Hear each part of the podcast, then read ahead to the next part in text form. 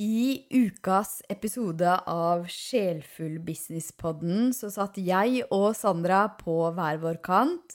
Eh, dessverre så blei det litt grann skurringer på linja denne gangen her, og det må jeg bare beklage. Men jeg håper at du allikevel kommer til å kose deg glugg med å lytte til oss og det viktige temaet som vi snakker om her i dag.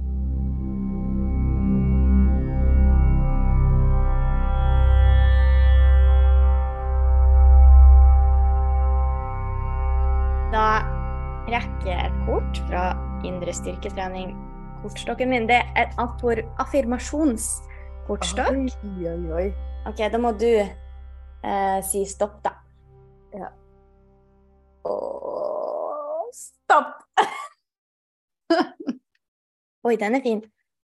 Jeg velger hvordan jeg vil leve, tenke og hva jeg vil gjøre for min mentale og fysiske helse. Åh, nydelig. Vi har valget selv. Vi har valget selv. Eh, og det er jo så interessant. Eh, og, eh, og noe av det vi skal snakke om her i dag, Sandra. Så nå bare kjører vi i gang. For dette her kortet, det passer så bra. Eh, uansett hva du står i, da. Ikke sant? For vi har jo alle utfordringer og ting som dukker opp på livets vei. Ja, så, det. så hva tenker du rundt det? Dette kortet. Vi skal ta det som utgangspunkt. Ja, ehm, det jeg tenker, det er det at vi er så få av oss som innser at vi faktisk har det valget selv. Mm. Vi er så få, Vi har ikke lært på skolen, vi har ikke blitt opplært eh, i våre generasjoner av foreldrene våre. Eh, altså, livet skjer på autopilot. Vi har en saying som er sånn 'Sånn går nå dagene'. Og det vi Ja. ikke er klar over, så mange av oss, det er at vi egentlig er på det der ham- hamsterhjulet. Vi lever for helga, vi lever for eh, ferien, og vi tror at livet, dagene og den psykiske og fysiske helsen er tilfeldig. Mm. Det stemmer ikke. Det, Vi har makten selv. Vi har makten selv til å velge eh, hvordan vi kan lage oss gode dager med å ta små, fine valg. Det kan være å justere 1 eh, med å starte dagen med bare stille seg selv det her enkle spørsmålet eh, til hjernen din, sånn at den begynner å, å lete etter fine ting i stedet for negative ting i dagen. Spørsmålet kan være sånn her eh, Hvorfor blir denne dagen så bra? mm. Og ja. da begynner hjernen å finne etter eh, Hjernen vår elsker å finne løsninger. Og da begynner den å lete. Jo, for at det skal skje, og for at det skal skje, og fordi at Og da begynner du å se etter hva du er takknemlig for. Eh, og at det ikke bare går på autopilot, og at du ikke bare tar det for gitt, bare det at vi bor i Norge. Jeg vet at altså, du kan finne nesten hva som helst å være takknemlig for. Vi lever i et land uten krig. Vi lever i et land som er der det er trygt, hvis man ikke selvfølgelig er i, i situasjoner og mennesker rundt seg som ikke er bra. Da.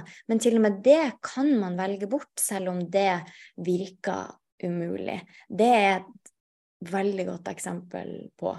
Mm. Så det er, det er mitt sterkeste budskap, og grunnen til at jeg rett og slett begynte selv å, å, å lage kurs og nå skrive bok og sånn som med de kortene. Alt jeg vil, det er å dele med verden det vi skulle ha lært på skolen. At vi rett og slett har makten selv. Vi har makten selv til å lage oss gode tanker. Der, på den måten lage oss gode følelser. På den måten velge relasjonene våre.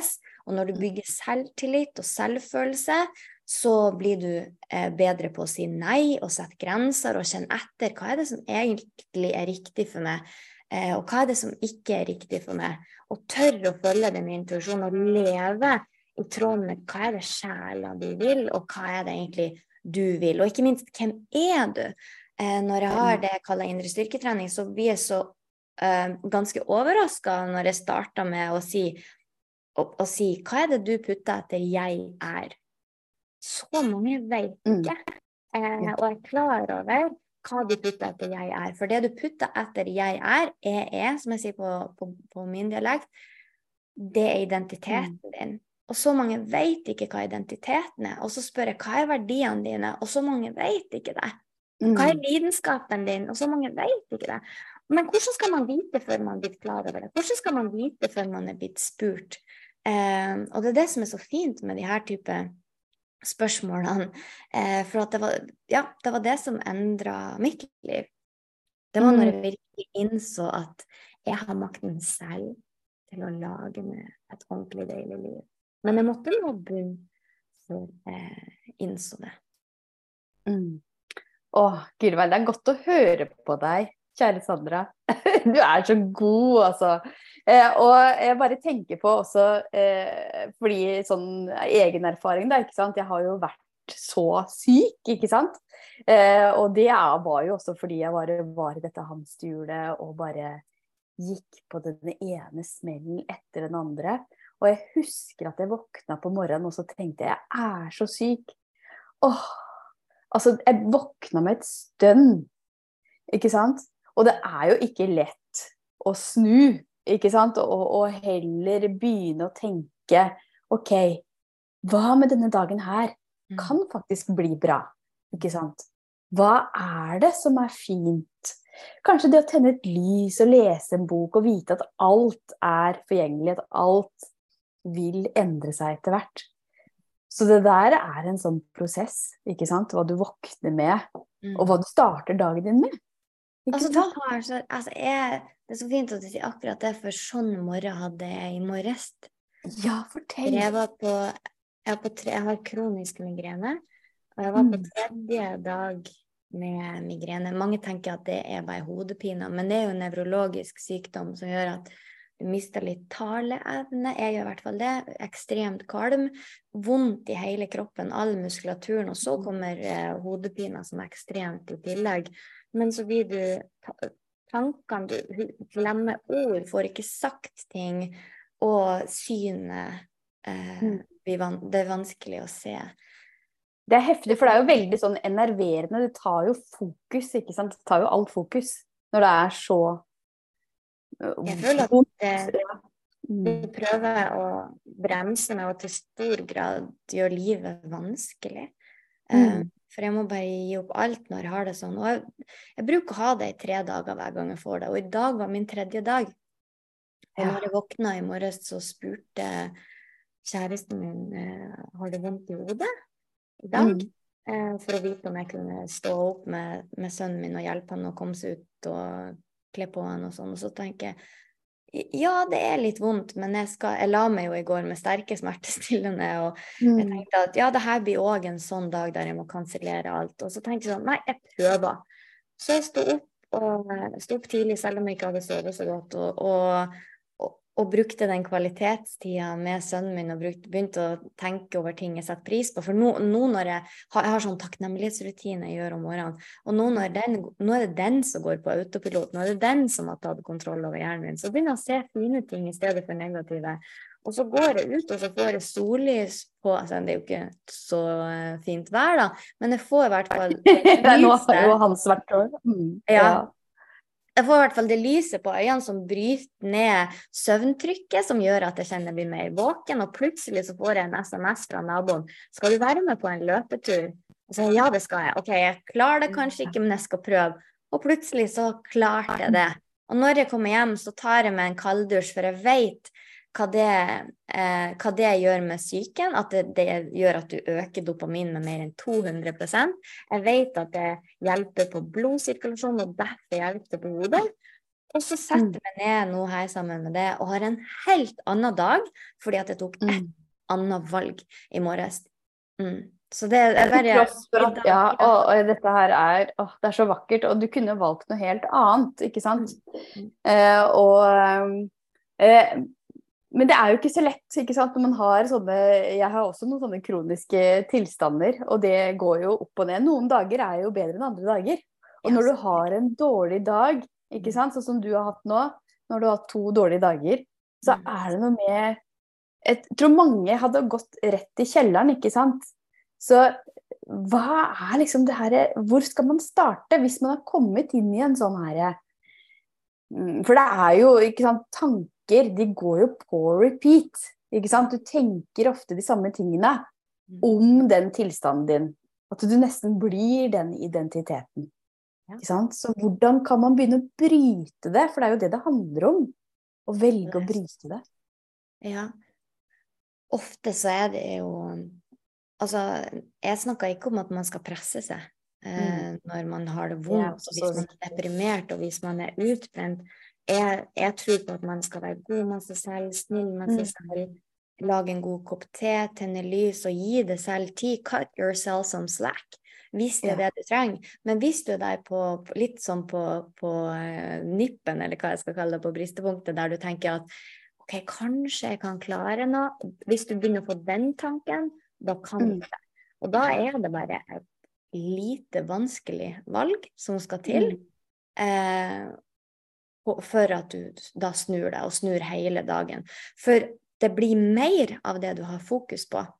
Mm. Tony Robbins, som en, NE har følt, han sier uh, Where focus goes, energy flows. Og det er så sant. Sånn så hvis du begynner å uh, tenke på å gå inn i den 'Å, jeg har så vondt, og det er så synd i meg, og jeg har det så fælt', og 'så uheldig jeg er som har det sånn her', og tenk Ja, på alt meg, ikke sant? Ja. Be- Begynner å Mm. gå inn, så blir det mer av det. Og da styrker jo du de tankestiene eh, i hjernen din. De blir rett og slett når du har fokus på det som er fælt, så styrker det de, og da kommer de tankene lettere. Dette Mm. handler jo om det rektakulære aktiveringssystemet som sitter i hjernebarken vår, som hjelper oss å filtrere ut det vi har fokus på og ikke. Det vet nå blir litt teknisk, men det handler Ja, rett om at hvis eh, Jeg beklager. Men hvis du har eh, det er bra. ja, fokus på én ting, så får du mer av det. Og hjernen din hjelper deg å gi deg mer av det. For den vil bare hjelpe det med fokuset ditt, eh, rett og slett. Og hvis fokuset er negativt, så får du mer av det. Ja. Det var veldig enkelt forklart, men Men det, ja, men det er jo også veldig sant. Og så, eh, snakka du om noe i stad som jeg tror mange eh, kjenner på, og som jeg også har hørt. Sånn, eh, og det kan være Vi driver jo også egne businesser, Sandra. Eh, men det kan også være i, i forhold til helse. ikke sant? Hvordan, hvorfor er hun så frisk, og ikke jeg? Mm. Hvorfor får hun det til, og ikke jeg? Ikke sant? Alle de tankene der. Sitte og se på Instagram. Se på alle som får det til, eller som ser sånn og sånn ut, og som virker så friske. ikke sant? Sånne sammenligningstanker. Det er det mye av. Det er jo Og det er så ødeleggende. Spesielt hvis man ser på Instagram. Det er jo rett og slett skadelig, tror jeg. Altså, Jeg Mm. vet hvorfor vi gjør det. Det er jo helt tilbake fra vi var jegere og sankere. Vi har jo fortsatt en reptilhjerne baki her. Vi har jo fortsatt mange av de samme tankene. Hjernen vår har jo ikke utvikla seg på to millioner år. Så Mm. det, tankesettet er det samme som da vi levde i flokk. Og, og flokken vår var unik. Vi speila oss i hverandre for å se at det her er vår flokk. Og, og det kan du se på tribes i Afrika fortsatt. Du ser at eh, de, de har forskjellige eh, trekk eh, fysisk, og de kler seg i forskjellige ting. Noen har tallerkener i ørene du vet, for å si at det her er min tribe, det der er din tribe. Og sånn gjorde vi visstnok før. Så, vi, Mm. så vi, det, det her er min, min gjeng, vi sammenligner oss med hverandre. På den måten er jeg en del av flokken, og når jeg er en del av flokken, så er det eneste måte å overleve på. For før, hvis du kom Mhm. ut av flokken din, eller ble utstøtt av flokken, da var det jeg lik død. Da var du, da var du garantert ikke, av å ikke overleve, eller du var mat for noe rovdyr. Og jeg tror at det fortsatt ligger i oss, at vi speiler oss i hverandre og sammenligner oss hverandre. Med hverandre og eh, at Det er bare en tu, naturlig del av det å være menneske. Men det som er så farlig å gjøre det på sosiale medier, med mennesker på sosiale medier, når du ligger der i senga og er syk, eller du har en dårlig dag, eller du føler deg ikke mentalt bra, eller kanskje du er utbrent, så ser du hva alle andre får til. Eh, Det Mm. som er så skadelig med å gjøre det, det er at du sammenligner det med løgn. Du sammenligner det med det som ikke er virkelig. Ja. Og perfeksjon er en illusjon, og i hvert fall på sosiale medier. Jeg bruker å si Det er jo det i det ulike at vi er unike, og vi skal være forskjellige. Vi skal ha forskjellige kropper, vi skal forskjellige ønsker, desires. Vi skal være forskjellige, men, men vi går og speiler oss og, og, og vil være like. Og, og på sosiale medier så er det ikke sant. Det er operert, det er retusjert, og det er filtrert. Og du viser sjelden den rotete sida av huset ditt, eller barnet ditt når det sutrete og griner, eller mm. forholdet når man krangler. Eller mm. det særlig i en setting der det er sykt dårlig og ikke sminka. Å vite når man følger eh, influensere Jeg har vært en del av den bransjen også. Eh, mm. Det blir tatt i hvert fall 50 bilder fra rett vinkel, eh, og så blir det ene bildet valgt. Og så, det, og så er det, kun snakk om hvor bra ting er, hvor fin ferien var, hvor godt vi har det i forholdet. Um. Og alt man får til, i stedet for da man ikke får til. Og da er det her, ja. hvis man sammenligner sitt sårbare meg, seg mm. med de sterkeste falske sidene av andre. Åh, dette elsker jeg. Og dette er jo du god på, Sandra. Så jeg merker at eh, For i sommer så var jeg sammen med ei som sa at eh, nå, Maika, er det akkurat som at eh, du viser mer av den sårbare deg. Fordi det har vært eh? Det har vært flere år med liksom å bygge bedrift. Eh, og så er det jo mange ting jeg heller ikke har vist. men som jeg kjenner at jeg har kanskje mer lyst til å vise etter hvert nå. Eh, og jeg tenker, eh, sånn som du òg, at det kan være fint å liksom bare oppfordre også litt mer til det, da. Eh, og jeg syns det er veldig vakkert å også lese om OK, nå er jeg faktisk skikkelig lei meg. For jeg krangla med typen min, ikke sant. Eller nå var det noen sånne vanskelige, gamle sår som dukka opp. Ikke sant. Og så også tørre å si det. Eh, sånn som jeg sa her, jeg hadde en coaching i går, at eh, på vei hjem Vi var jo på Sicilia, den ene ferien vår, og så satt jeg meg på flyet, og jeg var så lei av å stå i kø, og sliten og sulten. Og så klarte han kjære Stig, min kjære mann, å prikke meg på skuldra der jeg satt i flysetet. Og så gjorde jeg bare sånn. Så jeg var Maika, åtte år, ikke sant. Kjempesur på flyet, ikke sant. Som en liten unge. Og det å også kunne liksom Ja, ja, det, det, er jo også en del av meg. Vi har så mange sider, ikke sant? Og det å også våge å fortelle litt mer. Ja. ja. Ja, jeg synes det var så fint at du nevnte det, at da var det Maika åtte år. For jeg tror vi, vi som voksne glemmer det. At vi går og bærer på barnet i mm. oss hele tida. Når vi føler på usikkerhet, eller når vi eh, ikke, vi ser at eh, La oss si at vi er en vennegjeng, og så ser vi at eh, de er ute og spiser, eller de er på kafé og er ikke invitert. Det, da kommer jo jenter i med frem med ja. en gang som ble utstøtt og mobba. Og, og det har mm. ingenting med de eh, vennene mine som voksne å gjøre. De har, de har ikke gjort noe galt.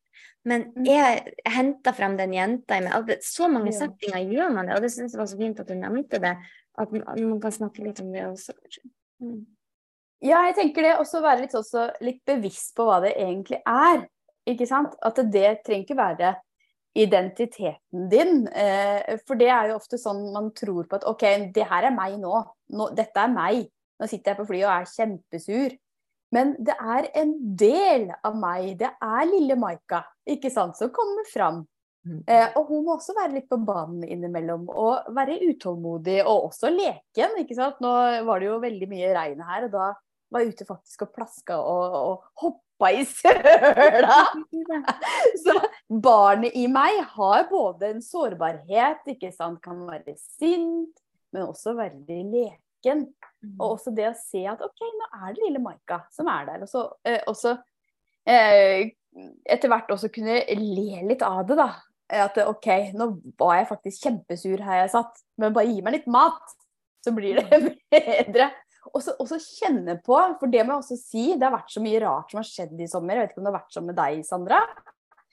Men masse ville energier. Og vi var jo på Cecilia og opplevde denne her skogbrannen veldig tett på.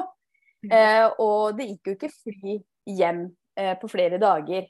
Men da å faktisk kjøre til den flyplassen og se at det var flere eh, hus som var brent ned, du så at jorda var svart Ikke sant? Og så komme til flyplassen som egentlig var stengt, så alle folka sto utafor flyplassen. Eh, og noen av de måtte omdirigeres til et, en annen flyplass og sitte på, fly, nei, sitte på buss i mange timer, og så vente på flyet. Men da, faktisk etter å ha stått i den køen så lenge, eh, og folk måtte på do, og det var ikke mat og, Men å sette seg på det flyet og vite at Oi, jeg skal hjem til vårt kjære kanelbollehus, som vi kaller det, der vi bor. Og ha den her tryggheten og den utsikten. Og fy søren, for en takknemlighet jeg også kjente på etter hvert der på flyet. Når jeg begynte å se litt mer på situasjonen. At ok, nå var jeg sliten, og var jeg lille Maika. Men herregud, vi skal hjem! Vi har det så godt!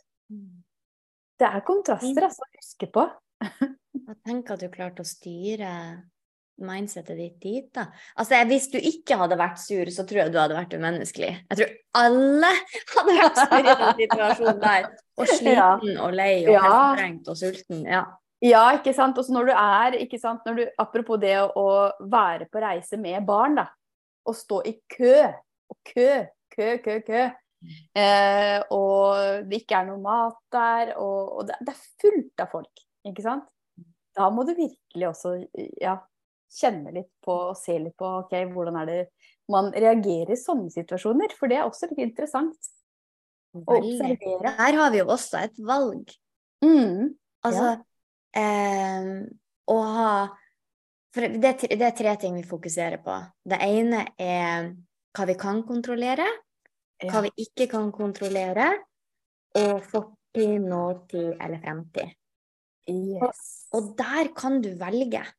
Mm. Skal, jeg, skal, jeg, bli sint og reagere? For det, går jo, det er jo tankene som Det er jo kroppen og sånn. Tankene først, og så kommer jo følelsene. Skal jeg bli mm. sint og reagere på noe jeg ikke kan gjøre noe med? Eller skal jeg lage med en koselig stemning i hodet mitt og tenke at snart sitter jeg hjemme, sånn som du sier.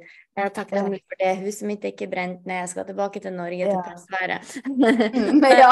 Men heller det enn ja. en, en, den situasjonen som var der, ikke sant.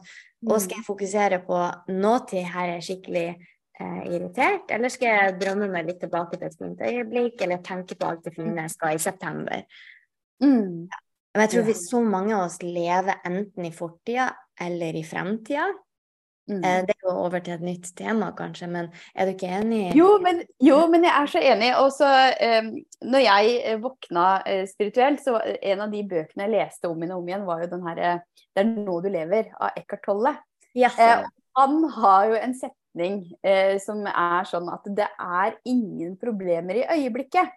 Sånn, uansett hva du står i, så er det faktisk ingen problemer i øyeblikket. Og mm. den setningen hjalp meg veldig når jeg var, eh, jeg var eh, veldig veldig syk, med, var utbrent, og så noen år etterpå så fikk jeg sånn kraftig krystallsyke. Men den setningen, den hjalp meg så innmari.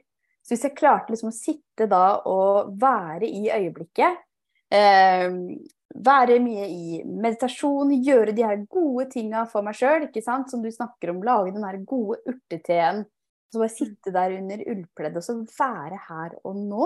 Og så tenke at det er ingen problemer i øyeblikket. Det er ingen problemer i øyeblikket. Selv når du står i en storm, så er det stille i midten av stormen. Wow. Oi. Eller en orkan, til og med. Akkurat ja. er det stille. Du, det var vakkert. Eh, og så er det noe med, som du sikkert har jobba mye med, og det der med aksept. Aksepter det som er det. Også en sånn læresetning fra han Eckhart Tolle.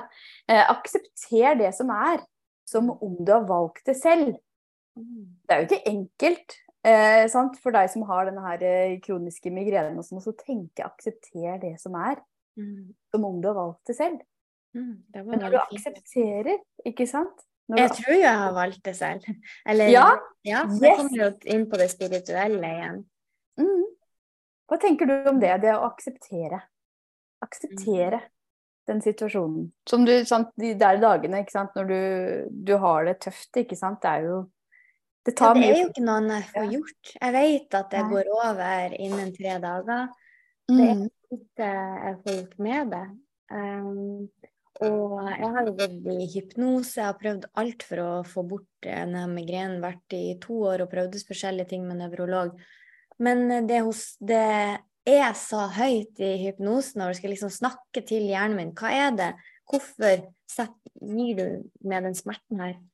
Og da mm. svarer jeg, eller en del av meg svarer jeg må gi Sandra migrene, eller så bremser hun aldri. Eller så blir hun utbrent. Og jeg har vært utbrent fem år, og jeg er bare 35 år. 36 år, ja. Du altså, klarer sånn- liksom ikke å stoppe? Altså du bare altså, jeg, har et, jeg har, et, har noen gir eh, som jeg gir meg aldri. Eh, og jeg har nok eh, ADHD, og jeg vet hvordan det er å ha det jævlig, og jeg tror det er det er grunnen til at jeg hele tida streber etter å lage meg et godt liv eh, og, og gjøre det jeg kan for å hjelpe andre. Eh, og det er mye jeg vil Det er så mye jeg vil gjøre, for jeg vet at livet er så kort. Så jeg vil mm. gjøre det på kort tid, og det der, det der jeg går på en smell. Altså. Min største utfordring er å bremse. Jeg hadde en businesscoach i, i fjor som skulle hjelpe med å se hvor, mye, hvor mange timer jeg jobba i uka. Bare for at jeg skulle få litt perspektiv på det. Og vi kom mm. frem til at det var 92 timer i uka. Oi. okay. mm. forskjellige stillinger, der her er stillinger som folk faktisk har som jobb, som alt ja. gjør er samtidig. Så jeg, vil, jeg skriver barnebøker, voksenbok, podkast, låtskriver, har konserter, er artist. Eh, samtidig som jeg har eh, tre forskjellige kurs og influenser og foredragsholder med mer som Ja, og jeg har et, et, en del firmaer med, med, produkter og investor i. Altså det Det Det blir litt det, blir, det, er ikke, det, er ikke, nok. Og samtidig som jeg er småbarnsmamma. Det er klart at det er ikke nok eh, timer i døgnet til alt jeg har lyst til å gjøre, men, men det er også ja, det er min største utfordring. Men jeg elsker det der. Når vi, hvis vi går tilbake til aksept, og når du nevnte det der med barnet i det, og du har du har bare lyst til å si en ting om det, for jeg har akkurat innsett den delen at man har forskjellige sider av seg selv. Man har Ja, jeg, jeg er sint noen ganger, og jeg er lei meg noen ganger, og jeg Altså, man er forskjellige ting, og det er greit å være forskjellige ting. For at mange legger identiteten sin til hva de presterer, hva de gjør, mm. hva jobben deres er. Jeg er advokat. Jeg er forretnings... Eh, altså, jeg er bedriftseier. Jeg er butikkmedarbeider. Altså, så har det egentlig ingenting å si med hvem du er. At, mm. og, og, vi skjønner ikke helt at vi er gode nok som vi er. Men jeg har tatt en sånn identitets... Uh, syns at det har vært veldig vanskelig f.eks. at det skal være artist, og så skal jeg være indre styrketrener, som jeg kaller det. da. Mm. Fordi at hvis jeg lager festmusikk, rølpemusikk, eh, musikk som du skal spille når du er på fest mens du drikker, er ikke det veldig krasj med hos andre som vi har lyst til å bruke traumene sine og erfaringene sine til å hjelpe? Og mm. bare for par måneder siden så bestemte jeg meg for at nei, for at vi er alle forskjellige ting. Jeg er feste-Sandra. Jeg banner som faen. Jeg, jeg, vi har jo sittet sammen og ledd ja, rundt bordet. Det, er en versjon, ja. det er en versjon av oss. Og så kan man være seriøs. Og, så, og, og, det er jo liksom Hvis man kan være alle delene i seg, det er da jeg tror at man er heil. Vet du hva, Dette her er så interessant. Og, og når vi var sammen, vi var på en sånn business-samling, eh, Sandra, ja. så er det sånn Ja, jeg her kan være det Altså the center of attention, jeg kan sitte og le rått og ha det kjempegøy. Mm. Og så plutselig så har jeg behov for å trekke meg tilbake. Eh, og det var jo sånn, ikke sant? Jeg, jeg stakk av når klokka var eh, halv tolv eller sånn, og fikk melding fra en av de andre. 'Hvor er du, Maika? Nå skal ja, vi ha det gøy!' De etter deg. Ja. ja, dere leter etter meg. Men da hadde jeg Vet du hva, jeg har lagt meg. Nå er det liksom nok. Og det er også en del av meg. Og sånn som eh, i mitt human design, da, så er det også sånn at jeg trenger å være i hula. Jeg er sånn som jeg må ha sånne kreative rom som er sånn, sånn hule der jeg kan lukke døra, tenne lys, ha det litt sånn dempa belysning. det er også en del av meg. Men så er jeg også den gærningen ikke sant, Mm. som er ute og ler, og som lærer av Sandra å pose. så det er også en del av meg, den lekne. Men jeg er også veldig stille. Jeg trenger masse alenetid. Det er store kontraster, og det tror jeg vi har alle sammen. Mm. det er ikke enten-eller. Ikke sant? Og det er så viktig å virkelig kjenne etter, sånn som jeg gjorde da. at Da kjente jeg at OK, nå er dette kjempegøy, men nå er det noe inni meg som trenger å trekke seg tilbake. Fordi noen ganger så driver vi og pusher oss for mye også til å være med på ting. Eh, og til å, å være sosial når vi egentlig ikke har lyst til det, osv. Så, videre. så det der å virkelig også kjenne på hva man vil der og da, og også si veldig mye nei. Jeg sier så mye nei. Ja. Så åh, det er Nei, og, og, det, og det er også, eh, som jeg, eh, som jeg prøver å, å lære andre om meg selv, det er jo det at nei er en fullstendig setning. Mm. Det er det. Det er får, du, får du dårlig samvittighet, Sandra, når du sier nei? For det har jeg slitt med opp igjennom. At jeg sier nei, og så får jeg dårlig samvittighet. Fordi jeg er kjempedårlig på å si nei. Du er det, ja. Veldig dårlig på, på det. Eh, men jeg, jeg, jeg driver og øver meg hele tida, og det er jo nok også derfor jeg blir utbrent. Det er så mye jeg vil, det er så mange jeg vil bidra ja. til. Um, ja.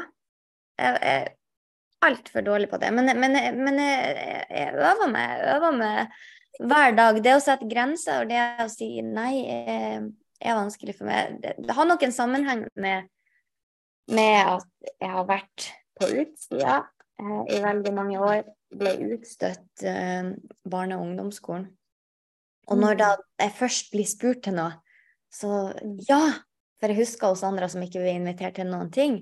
ja. Eller, er eh, eller så har jeg vært eh, veldig blakk. Veldig Hatt veldig lite penger. Ikke hatt råd til den osten jeg hadde lyst på, eller Norvegian en gang. Og eh, levd liksom så mange år bare fra hånd til eh, hånd, hva det heter? Fra hånd til munn. Fra hånd til munn. Ja. Ja. Men tenk for en kontrast der òg, ikke sant. Apropos kontraster. Altså Mm. kontraster i den man er, men kontraster også i hvordan livet kan utvikle seg, da. Når man også kjenner litt mer etter og våger å følge den her indre stemmen. Og din mission Du har jo Jeg er jo veldig opptatt av livsoppgave, vet du. Jeg har jo skrevet en bok, vet du. Så greia er at når, når vi følger også den livsoppgaven, og di, din mission, da, for du har jo en veldig sterk mission her på jorda, du. Det er jo en grunn til at du har opplevd alt det vonde du har opplevd.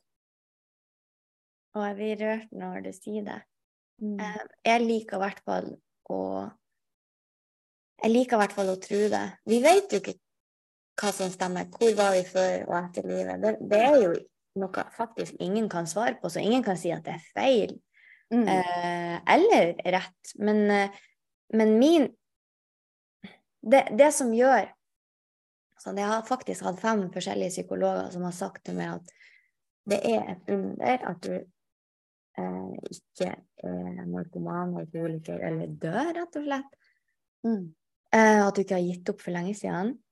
Og eh, jeg tror at den troen jeg har på at jeg valgte å ha det tøft, og så skulle jeg nå ut, Jeg kan, og, igjennom, og da var det musikk, så skulle jeg nå ut, og så skulle jeg bruke mine erfaringer til å, å hjelpe andre.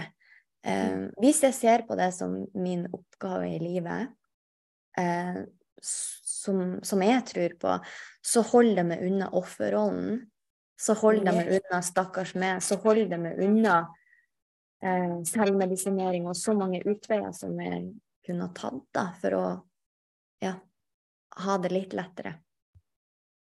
Wow. Dette her er veldig, veldig sterkt. Og den offerrollen, den er det jo fort gjort å velge Mm. når livet er tøft. Ikke sant? Eh, og det vet jeg jo sjøl òg, hvor fort det er å gå inn i den. Eh, altså, Men den hjelper jo ikke. Nei, den hjelper deg ingenting. Sant? Mm. Så da handler det om å, å velge kanskje et fokus, et lite fokus, da, hver dag. Hvis du som hører på nå f.eks. er utbrent. Jeg jobber jo med mange som har vært utbrente, og som er på vei tilbake igjen, for de skjønner at det er en grunn til at de ble utbrent. Ikke sant? Det er en grunn til at livet bare stopper litt opp. Fordi de skal ta en ny retning. Eller leve på en litt annen måte. Ja, eller kanskje de ikke var, eh, levde i tråd med, med Yes. sjela si. Yes, det er akkurat det. det, er akkurat det. Eh, og da er det jo også mange som sier det her med at det har vært vanskelig, den tankegangen rundt det. Mm. Ikke sant? At hvorfor skjedde dette her med meg? Eh, og det er jo ettervirkninger av det å være utbrent, ikke sant. Ja, vel.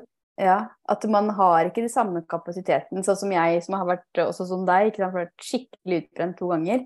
Jeg merker jo at ok, nå har jeg tøyd den strikken for langt, men så klarer jeg også å se det positive i det. Fordi da må jeg hvile. Da må jeg gjøre de gode tinga for meg sjøl. Gå inn i litt qigong eller gå ut i naturen. Og det hadde jeg nok ikke gjort hvis ikke jeg hadde opplevd det å være så utbrent eller være så ferdig som det kjennes ut. da. Ja. Så, så- så hva tenker du, eh, Sandra? Altså hvis man er der, da, at man har en sånn tilstand, eller man er utbrent, og man ofte tenker de tankene om at åh, hvorfor skjer det her med meg, og nå er det en dårlig dag igjen. Hva er liksom den ene tingen man kan gjøre for å begynne å bryte det, da? For å velge noe annet? Altså, det, det har jo litt med eh, Hjelp det å synes synd på meg? Eller skal Mm. jeg rette opp hodet mitt? Eh, jeg bruker å si at eh, hvis man bøyer seg, så detter jo krona av. Da sklir den jo av. Så du må rette opp og huske at du er en queen. Eh, ja. og ta livet på strak arm. Eh, Jeg Mm. har klart det før, jeg vil klare det igjen. Og andre mennesker som verken er klokere, bedre eller har hatt bedre forutsetninger enn vi har klart det. Så hvorfor skal ikke jeg klare det? Så Mm. det gjelder da å ikke ta den synd på meg-rollen. Em, når jeg har eh, eh, For eksempel hvis jeg har starta kurset mitt, så har, har jeg sagt sånn eh, har jeg sagt på første, første sånn livesending, så har, jeg vært, vært litt usikker på om jeg skal gjøre det. Men jeg kommer inn med tough love. Jeg sier sånn Hvis du skal klage på hvordan du har det i gruppa vår, eh, gå inn i hvor synd det er på det, hvor trist du har det, hvor fælt ditt liv er, for vi alle har våre ting, så er ikke Mm. det her for det. Men Mm. hvis du kommer hit og skal ha fokus på det du klarer, om så det er jeg kommer ut av senga i morges, jeg klarte å ta meg en dusj i dag, jeg kokte med en kopp te, eh, jeg gikk fra sofaen til, eh, til kjøkkenet og valgte meg et sunt måltid i stedet for å trøste meg med annen mat. Hvis, hvis du skal fokus på det, så skal Mm. vi fortsette å heie på det. For Mm. du har før prøvd å synes synd på deg selv og være i offerrolle, og du har sagt til folk at du har det jævlig, og de har, de har holdt rundt det og trøsta det, men har det fått det ut av situasjonen? Det har kanskje satt et lite plaster på det, men det har ikke hvila det. Nå skal vi bort ifra det, nå skal vi skifte fokus. Og jeg har tenkt noen ganger at nå er kanskje litt hard, men jeg har skjønt at det er akkurat det som funker. Vet du hva? Og puse Det er- hjelper ikke. ja, du, nå, er du, nå har du et sterk stemme, altså. Fy søren. Og, og det her minner meg på min kjære mormor. Hun døde 26. april. Eh, og jeg hadde et veldig sterkt forhold til Gommo, da, som jeg kalte henne. Eh, og hun har mange sånne gode læresetninger. Men en av de, uansett hvor tøft det var, så sa hun alltid Ja, det er mange som sutra og klaga, men det er ikke noe for meg. Den er så fin, og den har jeg skrevet opp. Og den er en sånn fin eh, å ha i bakgrunnen. Og jeg tror det var derfor også hun levde så lenge. For hun hadde et sånt mindset, og det er jo helt utrolig. Hun, er jo liksom, hun ble jo gammel òg. Mm. Eh, men altså, hun valgte alltid det. Uansett eh, hva som skjedde, så valgte hun å ha fokus på takknemlighet, da. Og Så det du spør om Em, Oi, unnskyld, nå avbrøt jeg. Nei, bare- bare- men Spørsmålet ditt var hva kan man gjøre? Jo, man kan stille seg det spørsmålet. Mm. Hjelper det? Mm. Funka det hvis jeg nå klager, syns synd på meg sjøl og ville gå mer i kjelleren av det? Vil det gjøre meg bedre? Hvis svaret er nei, Mm. gjør en takknemlighetsrutine. Gjør 5, 4, 3, 2, 1. Eh, kom deg ut av senga. 5, 4, 3, 2, 1. Gå en tur. Gjør veldig små steg. Tenk at OK, livet er kjipt akkurat nå, men jeg skal gjøre 1% for å gjøre det bedre. Ikke tenke nå skal jeg ta meg en løpetur på 6 kilometer når du har ingen, ingen eh, energi, eller nå skal jeg bare spise sunt. Altså, det er ikke det jeg snakker om. Jeg snakker om ok, nå skal jeg ta på meg skoene, og så skal jeg tusle rundt kvartalet mm. ute. Fordi at mm. når, når, jeg gir eh, For når jeg Eller jeg skal ta, gå i bærføttene på gresset. Jeg skal sette meg der mens jeg tar kopp te, hvor du får de negative ionene fra, og energi fra naturen. Eh, eller jeg skal hvis vi, jeg, er så, jeg, er så, fan av det å gå ute, for det roer nervesystemet. Og tilbake til reptilhjernen. Når du hører fuglekvitter, så, det, mm. så var det før så var det tegn på at det ikke var fare i nærheten. ikke sant? Så, mm. så det catcha hjernen vår opp. Fuglekvitter roer nervesystemet vårt, og det er et eller annet magisk med å være ute. Eller skal jeg ta valget eh, bestille hamburger på Foodora som, som gjør at, eh, at, tarmen min ikke har det bra, som gjør at jeg får det verre mentalt? Eller skal jeg velge en god salat med masse greier og ta noe råkake eller popkorn i stedet for bare Altså det, det å ta de bitte små valgene for å gjøre ja, livet er kjipt akkurat nå, men hva kan jeg gjøre for at denne dagen skal bli bitte, bitte litt bedre? Kanskje den blir bitte litt bedre med en mørk sjokolade og en kopp kaffe. Kanskje den blir bitte litt bedre hvis jeg setter på favorittshowet mitt, eh, om det er Friends eller hva det er, og ler litt. Eller kanskje den blir litt bedre hvis jeg, hvis jeg leser ti sider av en bok. Eller kanskje den blir litt bedre hvis at Altså, jeg, jeg vil jo også oppfordre til å søke enten psykolog eh, men, men jeg, har, jeg, har, funnet ut at det der med coaching Altså, jeg gikk i psykiatrien i 21 år, og det har gjort at jeg har overlevd. Jeg, jeg vil alltid være takknemlig for det. Men det var ikke før jeg kombinerte det med mentaltrening at jeg fikk det bra, at jeg ble mm. frisk. Altså, mm. Mental trening kommer, stammer jo fra idrettspsykologien, og toppledere bruker det. Eh, og toppidrettsutøvere bruker det. For de vil Eh, prestere, de vil lede seg selv på best mulig måte. Men det er bare Vi vil jo også det! Uansett hva jobben vår er, eller hva Vi vil jo også ha de verktøyene. Så derfor så tenker jeg at hvis bare det blir mer vanlig, at man kan bare lete etter verktøy, eller, eller bare det å ha en samtale med noen Jeg, jeg jeg er den første til å be om hjelp hvis jeg har en dårlig dag. Da vet jeg hvem jeg skal ringe.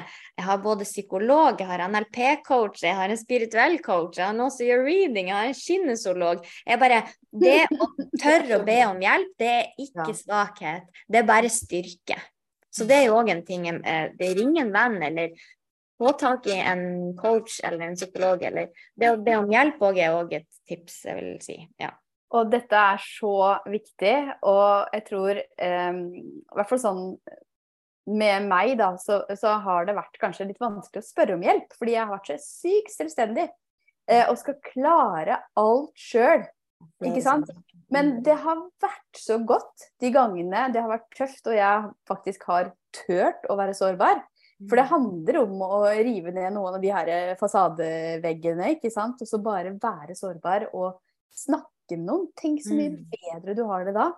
Så, jeg tror at vi tenker sånn at vi, vi, skal ikke snakke med noen før det har gått veldig, veldig, veldig langt. Og det, sånn mm. er det jo. Skal du få offentlig støtte, så må du faktisk være veldig sjuk mentalt. Og, ja. og jeg bare, det har jo etter, På et eller annet sted på den trappa du har gått nedover, så kunne du stoppe halvveis og snakke med en mm. coach f.eks., eller en yes. mentaltrener, eller en eller annen slags type terapeut. Der du kunne snudd allerede der. Det trenger ikke gå så langt ned at du må være sykemeldt i tre år uh, mm. før du kommer. Altså, ja. Så jeg bare ja, håper at det blir mer vanlig. Ja, og, og, så tror jeg også at det er litt sånn uh, utfordrende for folk å se at de er på vei mot en utbrenthet. I hvert fall så var det sånn for meg. Nå er det jo uh, over ti år siden første gangen jeg var utbrent. Det var i 2011. 11.11.2011. Så bare snudde bilen og jeg kjørte hjem og la meg rett ned. Så det var veldig sånn De tallene var også helt sånn OK, hallo, våkne opp.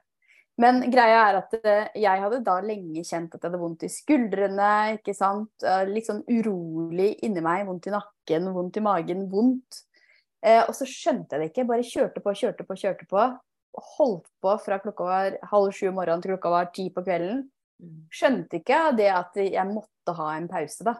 Mm. Eh, og det eh, Så jeg tenker at det er en sånn Noe må skje da, for at folk skal skje, skjønne hva som Eller at de kan forebygge det. For det er ikke så lett å forstå det før du på en måte har gått på den første smellen. Ja. Jeg tenker at det er nok, hvis du innser at du ikke elsker deg selv, så er det nok Yes! det om hjelp. Altså, det, det, eh, altså, for jeg vil at vi skal leve sterkt. Det sterkeste, det beste livet vi kan. Se på jordas historie. Hvor mange milliarder år eller millioner år har den eksistert? Og så skal du være her 70 pluss hvis du er heldig. Det er bare en bitte liten prikk. Jeg sier det bare for at vi skal få litt perspektiv. Og vi vet ikke hva som skjer i morgen. Så hvorfor skal vi ikke leve det aller beste livet vi kan? Med lykke, trygghet, kjærlighet. Og, bare, og det å elske seg selv er jo det aller viktigste. For når du eh, altså Bare merker at du er litt irritabel, be om hjelp til det. For det er faktisk mulig å justere på alt. Det heter nevroplastisitet. Du kan endre hele personligheten din. Du kan endre hele hjernen din. Og du trenger ikke være prega av jævlige hendelser eh, fra barndommen, f.eks., som jeg har. Jeg har en lidelse fått av psykiatrien som heter kompleks PTSD, som betyr at eh, altså de har sykeliggjort det at jeg har eh, opplevd forferdelige ting. Eh, men til og med det går an å komme seg ut av og få det godt etter. Eh, så jeg håper at det kan være et eksempel på at det er faktisk mulig. Og ikke bare er det mulig å komme seg ut av det, men det er mulig å få det trygt og bli lykkelig og bli glad i seg selv og sette pris på enhver skavank, cellulitt, som jeg liker å kalle smilehull på rumpa, eller Ja, en myk mage, tigerstriper i stedet for eh, eh, Hva er det de kaller det, de andre? Glemte. Hva er det de kaller Ja, det? Strekkmerker og bare Det er ikke negative ting. Alle har det. De har bare blitt prima fra samfunnet for, av skjønnhetsindustrien som vil tjene penger på oss. Altså Bare det at vi barberer oss under armene og på, og på leggene, er jo fordi at Skjelett ville øke kundemassen sin.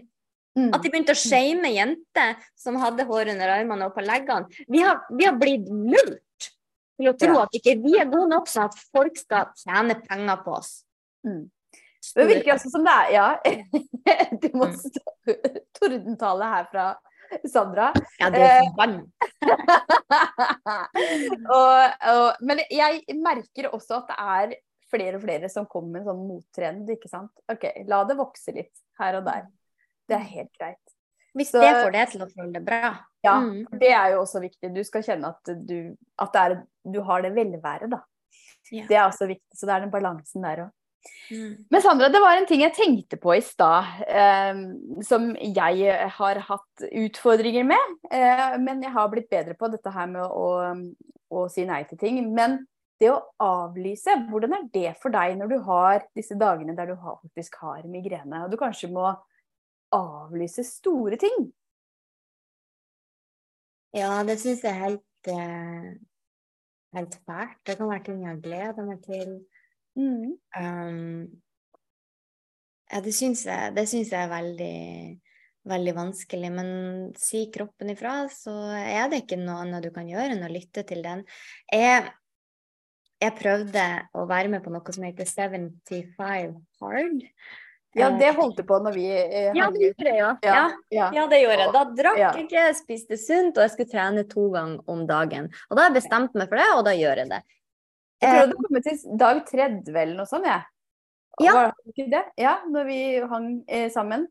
Ja, det, ja, det var nesten på dag 30, og det, det jeg gjorde da, var at jeg tok en For at det, jeg gir meg jo aldri. Det er jo min, min største styrke, men også min største svakhet. Det kan jeg kjenne igjen. Så det, det jeg gjorde på dag 30, som var en ny greie for meg 2023, det var at nå merka jeg at nå skal jeg gi meg, og jeg skal være fornøyd med det. Jeg skal ikke gå til 75 dager. Og grunnen til det var for at jeg merka at det bare øker migreneanfallen. Jeg pusha meg selv for langt. Jeg kan selvfølgelig ikke trene to ganger om dagen med migrene. Jeg gjorde det. Så det pusha meg, pusha meg. Jeg er med på alt selv om Og til slutt så blir det sånn I fjor, forfjor, så eh, ga kroppen meg kyssesyke. Og det var òg en måte. Jeg tror at den gjorde det bare for å bremse meg, for det er veldig uvanlig å få kyssesyke når du er langt opp i 30-årene. Ja, ja, ja. Jeg Da var jeg sjuk i to år. ja. Hmm. Ja. Ja. For det er heftig òg når du får det så seint, ikke sant. Da tar det sikkert lengre tid å bli frisk òg. Jeg tror jeg hadde ikke fått det hvis jeg hadde tatt vare på meg selv. Jeg er overbevist om at mange sykdommer vi får, det er for at kroppen prøver å si fra nå. Du, du, du, du, nå Ja. må du bremse. Ta det litt rolig. Det er akkurat det. Du må bare hvile mer, stresse ned, ta det roligere. Vi Det stresser er ikke så mye. Ja. Og jeg Men- mye det på skjerm som stresser oss også. Ja. Og så vil vi jo veldig mye, da. ikke sant? Det kjenner Ja. jeg jo veldig godt igjen. ikke sant? Ja. At det er en sterk drivkraft som vi har inni oss. Mm. Eh, og så er det noe med å øve seg på også å kunne la det ligge litt. Jeg øver masse på å bare eh, slå av telefonen fullstendig. Og så bare være helt av, være tett på naturen, lese bøker. Så være av i flere timer. Og i sommer så var jeg også helt av i flere dager. Og det var så deilig. Mm. Det var så deilig, og hva du legger merke til, og hvor mye mer til stede du er. Så det anbefales. Og så bare slå telefonen helt av, for når den er slått av og ligger ute i gangen, og du kommer på noe 'Å, jeg må bare sjekke om det har skjedd noe på Instagram', så går det, og så henter du telefonen, og så er den avslått. Og da skal det mye mer til for å slå den på igjen. Sant? Da må jeg faktisk ta meg sjøl i Ja, men nå hadde jeg bestemt meg for at jeg skulle være helt av. Så da skal jeg være av. Det kan vente til i morgen. Eh, og som ofte så har det ikke skjedd så innmari mye. Veldig viktig på den tida. Det kan vente litt. Fordi vi tenker ofte at å, det brenner! Jeg husker jeg hadde ei jeg jobba med i næringslivet som alltid sa det hver dag. Det brenner! Nå må vi skynde oss, og nå må vi levere! Det brant jo aldri. Nei. Nei. Så det er sånne sannheter vi lager, ikke sant? Om at Ja. det haster, det haster, det haster. Ja. Og hvor stort og viktig det er, og krise hvis det ikke skjer. Det er jo aldri krise. Det er ikke Ja. krise før du er i livsfare, egentlig. Nei. Ja, men det er veldig, veldig sant. Så bare slapp av. Det er også noe å tenke litt på, at vi kan slappe litt mer av Mm. i Det er så viktig. Vi trenger det. Vi er jo ikke, vi er jo ikke skapt til det hardkjøret her. Eh, vi blir jo syke av, av stresset. Mm. Og av hurtigmaten vi spiser. Mm. Um, for alt skal gå så fort. Alt skal gå så fort. Mm. Eh, og sånn som for, det er mange som hører på den podkasten her som har egne bedrifter. Mm. Eh, og sånn eh, for meg òg, så var jo eh, Jeg sa opp jobben min i næringslivet og flaksa ut i en ny tilværelse.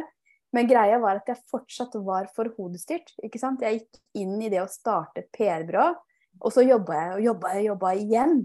Skjønner du? Mm. Eh, så greia er å finne også en sånn balanse selv om du har en egen bedrift. Der du tar veldig godt vare på deg sjøl og våger også ta de pausene. da. For jeg tror jo også på at når man setter en intensjon og sender ut i universet, så kommer det også tilbake til deg i større grad. Når du Ja. våger å slappe av. Altså, det jeg tror jeg gjorde som var veldig smart, det var at jeg tidlig eh, ansatte. Ja, At jeg jeg tidlig fikk et team. Til og med Mm. før jeg hadde noe opp å stå, så hadde jeg tre stykker som jobba for meg. Uh, så jeg gikk jo i minus, og jeg tjente ikke så mye de to første årene. Uh, men heller det, og at jeg kan bygge videre, og at jeg en gang vil ha overskudd, enn at jeg igjen skulle slite meg ut. Det her er Um, så viktig, og, og det her snakker jeg også om mange av kundene mine. Og Mm. det er det vanskelig for mange å skjønne. mm, Fordi helt fra starten for min del òg, så hadde jeg folk som hjalp meg med nettside og med sånne tekniske ting, Mm. og med økonomi. Mm. Eh, og greia, det er jo også et sånt valg man må ta, eh, der man kan ha fokus på det man er skikkelig god på òg, og så mm, våge det. Mm, For da er det eh, Sånn som jeg hadde jo heller ikke hatt den veksten som jeg har hatt, hvis ikke jeg hadde turt å sette bort så mye som jeg har satt bort. mm, Selv om det kan være litt skummelt. mm. Ja. Så er det å det snu, snu det på hodet, for det er veldig mange som sier ja, men jeg Ja, må gjøre det sjøl, og det og det og det, og så bruker de liksom tre uker på å lage en enkel Vix-side. Mm. Eh, som eh, de bare blir helt frustrert og forbanna av å sitte og, og jobbe med. Som de bare kunne ha satt bort og valgt å bruke noen tusen på å få hjelp. Og så kunne de jeg er så enig. Altså, eh, for, for jeg må gjøre det som, er, som gjør meg glad, og som der mitt geni ligger, det er i kreativitet og tenke nye løsninger og skape. Det, Mm. med, det å styre med tekniske ting og, og lage nettsider eller pakke og sende produkter, det, det, er ikke, det er ikke noe som gjør meg glad. Og da Mm. ville jeg i hvert fall blitt eh, fort utbrent hvis at jeg skulle er Det er mer sånn eh, Hvis det er ting du kan få hjelp med eh, Det var noen som sa det en gang. Hvor mye har kosta du i timen? Ja. Eh, og det syns jeg var veldig fint. Og da tenkte sånn, å faen, det er jo ganske høy timeslønn hvis jeg skulle, skal Mm. gjøre det og det og det. Eh, så da kan du like så godt ansette noen for en tredjedel av det du ville tatt, Mm. sånn at du kan bruke dine timer å skape nye ting som etter hvert Ja, kanskje det er en sprint til deg, men som etter hvert vil gjøre det bra. Som gjør at du kan investere. Jeg, jeg syns vel det med penger har vært veldig vanskelig. Jeg har ikke Mm. trodd at jeg har fortjent det. Jeg har eh, sånn snevert money mindset helt til jeg snudde det. For at jeg, jeg var sånn som, som kanskje, i hvert fall halvparten, jeg vet ikke hvor mange det er som tenker sånn at nei, folk som er rike, det er bare hvite, slemme menn eh, som er grådige og som har spisse albuer. Men når, da jeg tenkte OK, hvordan hadde verden vært hvis vi, hadde- det hadde vært flere eh, flere bra folk med penger? Sånn Mm. som hvis jeg hadde hatt penger, så kan jeg investere i å få i å få mental helse eh, komme ut til flere. Jeg kan, jeg, kan, jeg kan hjelpe barnehjem. Jeg kan bruke pengene til noe bra. Og Mm. når det er fokuset, i stedet for jeg vil ha mest mulig, sånn at jeg kan ta privatfly, sånn, det er det siste jeg vil. Men hvis jeg tenker sånn, okay, hvis jeg tjener penger, så kan jeg bruke det til noe bra. Det har Mm. vært en sånn, så hvis det er noen som har sånn snevert money mindset, så tenker litt på det. Det handler jo ofte bare om frykt og jeg fortjener ikke, og hvem er jeg til å Skjønner du? Mm. Å ja, ja, ja. Og det er så utrolig sant. Og så er det også flere av de jeg snakker med og jobber med, som eh, har lyst til å gi bort ting gratis, fordi de har lyst til å hjelpe så mange. Eh, og eh, greia er jo at hvis du eh, bare skal gi bort ting gratis, eller nesten gratis, og ta 500 kroner i timen f.eks. Eh, hvis du jobber på timer, noen gjør jo det. Eh, jeg er ikke så tilhenger av det, men det er en annen sak. Men poenget er at eh, hvis du skal jobbe nesten gratis, så kommer du aldri til å komme dit at du kan leve fullt og helt av bedriften din. Og da har du heller ikke tid til å hjelpe alle de du kan hjelpe. Så Mm. greia er at eh, når du bygger en bedrift, så må du faktisk ta det betalt. Og så kan du velge å enten hjelpe et barnehjem som du snakker om, eller å kanskje ha et pro bono-prosjekt, sånn som jeg har hatt. Men Mm. det kan du ikke gjøre hvis du bare skal jobbe eh, nesten gratis. Det vi også må huske, sånn, hvis du tar veldig lite for et kurs f.eks., eller hvis du gir ting gratis Jeg skal love deg at det blir ikke fullført. For Nei. først må er sant. mennesker investere penger for at de skal kunne investere tid. Hvis de, Mm. hvis de ikke har investert penger først, så tar de det for gitt, og da blir det ikke gjort, og da får de ikke hjelp. Mm. Da blir det ikke endring. Er så Men hvis det først har vært en investering, sånn som la meg gi deg et eksempel, PT-en min, fette dyr, eh, men hvis ikke jeg dukker opp på den PT-timen, jeg tror det er 1300 kroner timen, så må jeg betale det, og jeg får ikke trent. Eh, hvis at hun hadde sagt det er ikke så nøye om du ikke kommer, da koster det det ingenting. Skjønner du hva jeg Mm. mener? Det gjør at jeg gjør den jobben, det gjør at jeg drar dit, det gjør at jeg prioriterer det. Og sånn er det faktisk med, med, de, med de fleste. Hvis de får ting gratis, så tar de det for gitt, og da blir det ikke gjort, og da får de ikke endring, og da får de ikke hjelp. Mm. Så Ah. det må først være en investering i, i, eh, i det økonomiske, har jeg sett. Jeg har prøvd, gjør ting gratis, gjør ting veldig billig. Hva, altså Forskjellen på det som er produkt som jeg har som koster lite grann, Mm. det blir gjort. Det blir endringer. Det blir transformasjon. Mm, Fordi når du først har investert ja. Penger, Mm. så investerer du tida di. Mm. Det må de huske, de som gir ting bort gratis. Skal du ha endring, så må det koste noe først i pengeboka, for da vil det koste noe. Da vil de investere tida si. Mm. Dessverre. Det er sånn. Ja, jeg vil jo, herregud. Det er sånn. Ja. det Og vi, er- gir- vi gir jo bort hele tida. På, på Instagram så deler jeg Tjener jo ingenting på det. Det Mm. deler jo daglig ting fra kurset mitt og Eh, og, og, og, og, har man samtaler, og er man på podkast, eller eh, til og med bok tjener man jo veldig lite på, der man deler masse. Men skal man gå inn sånn som mange av dine kunder kanskje også, de, de gjør jo én-til-én-timer, de har jo kunder. og Skal man bruke den tida og, og, virkelig få endring, så det må være en investering først. Ja. Mm. Jeg har sagt det mange ganger. Jeg må bare få det er så sant. Ja. Og så kan vi også, ikke sant, vi kan motivere og vi kan inspirere masse gjennom bøker og podkaster ja. og sanger, Sandra, ikke sant. Så, eh, så, det er mange muligheter å gjøre det på, men viktig også at du tar deg betalt for tjenestene, du som hører på. Det er så viktig. Ja, du er verdt det. Ja, du er mm. verdt det. Og det handler om denne her egenverdien og det å faktisk hva du forteller deg sjøl. Alt henger sammen. Ja. Og så kan du jo spørre deg selv hva ville jeg betalt for å få den endringa jeg vet folk kan få? Mm. For. Jeg har sett det nå, jeg hatt over 1000 kunder. Eh, eller jeg kaller det familiemedlemmer, eller in, min indre sirkel. Nydelig. Eh, det er transformasjon i livene deres eh, mm. som gjør at de da igjen eh, tør å satse på drømmen sin, som de da kan tjene penger på, eller kommer seg tilbake til jobb, eller si at de vil ha de har selvtillit til å få eh, en lønnsforhøyning, f.eks., mm. til å be om det, sånne type ting. Eh, hva ville jeg betalt for det? Jeg betalt kjempemasse. Eh, ja. så, det kan jo være et spørsmål de kan stille seg selv hvis folk har vanskelig for å ta betalt. Hva ville mm. du betalt for det samme? Mm. Og svaret det er, det er ganske høyt. Mm. Hva er det verdt hvis du eh, f.eks. hadde hata det selv? Hvor mye tid hadde du brukt på å hate det selv? Hva ville du betalt for å komme ut av det? Skjønner du? Mm. Eller ligger du på sofaen og er utbrent, hva ville du betalt for å ikke vært det? Og de her verktøyene kan hjelpe. Skjønner det har jo sånn alt å si, ikke sant? Og ja. hvordan du tenker og hvordan du har det med din mentale helse og din fysiske helse. Alt å si for alt annet òg. Ja, ja, ja. Sandra, vet du hva? Klokka er 11.11. 11. Så Magiske tall. Og da tenker jeg at vi skal gå inn for landingen nå.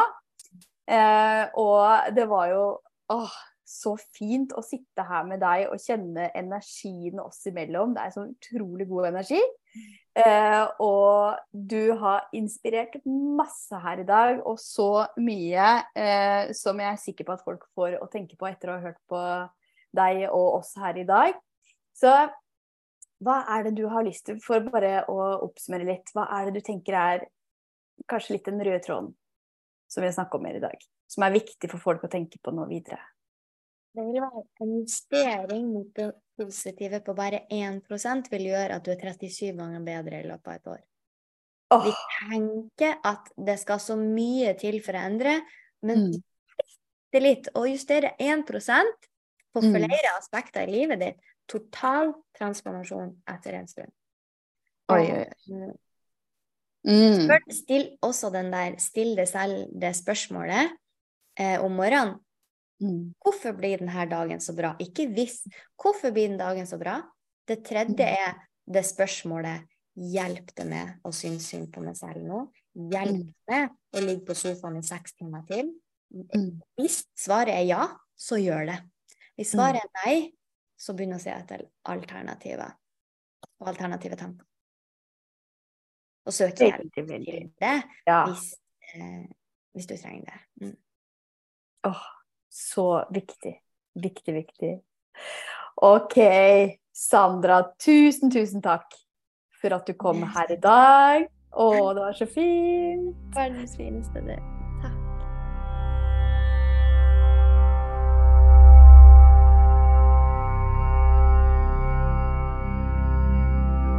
Sjelfull Business-podden er produsert av Rask Produksjon for Maika AS.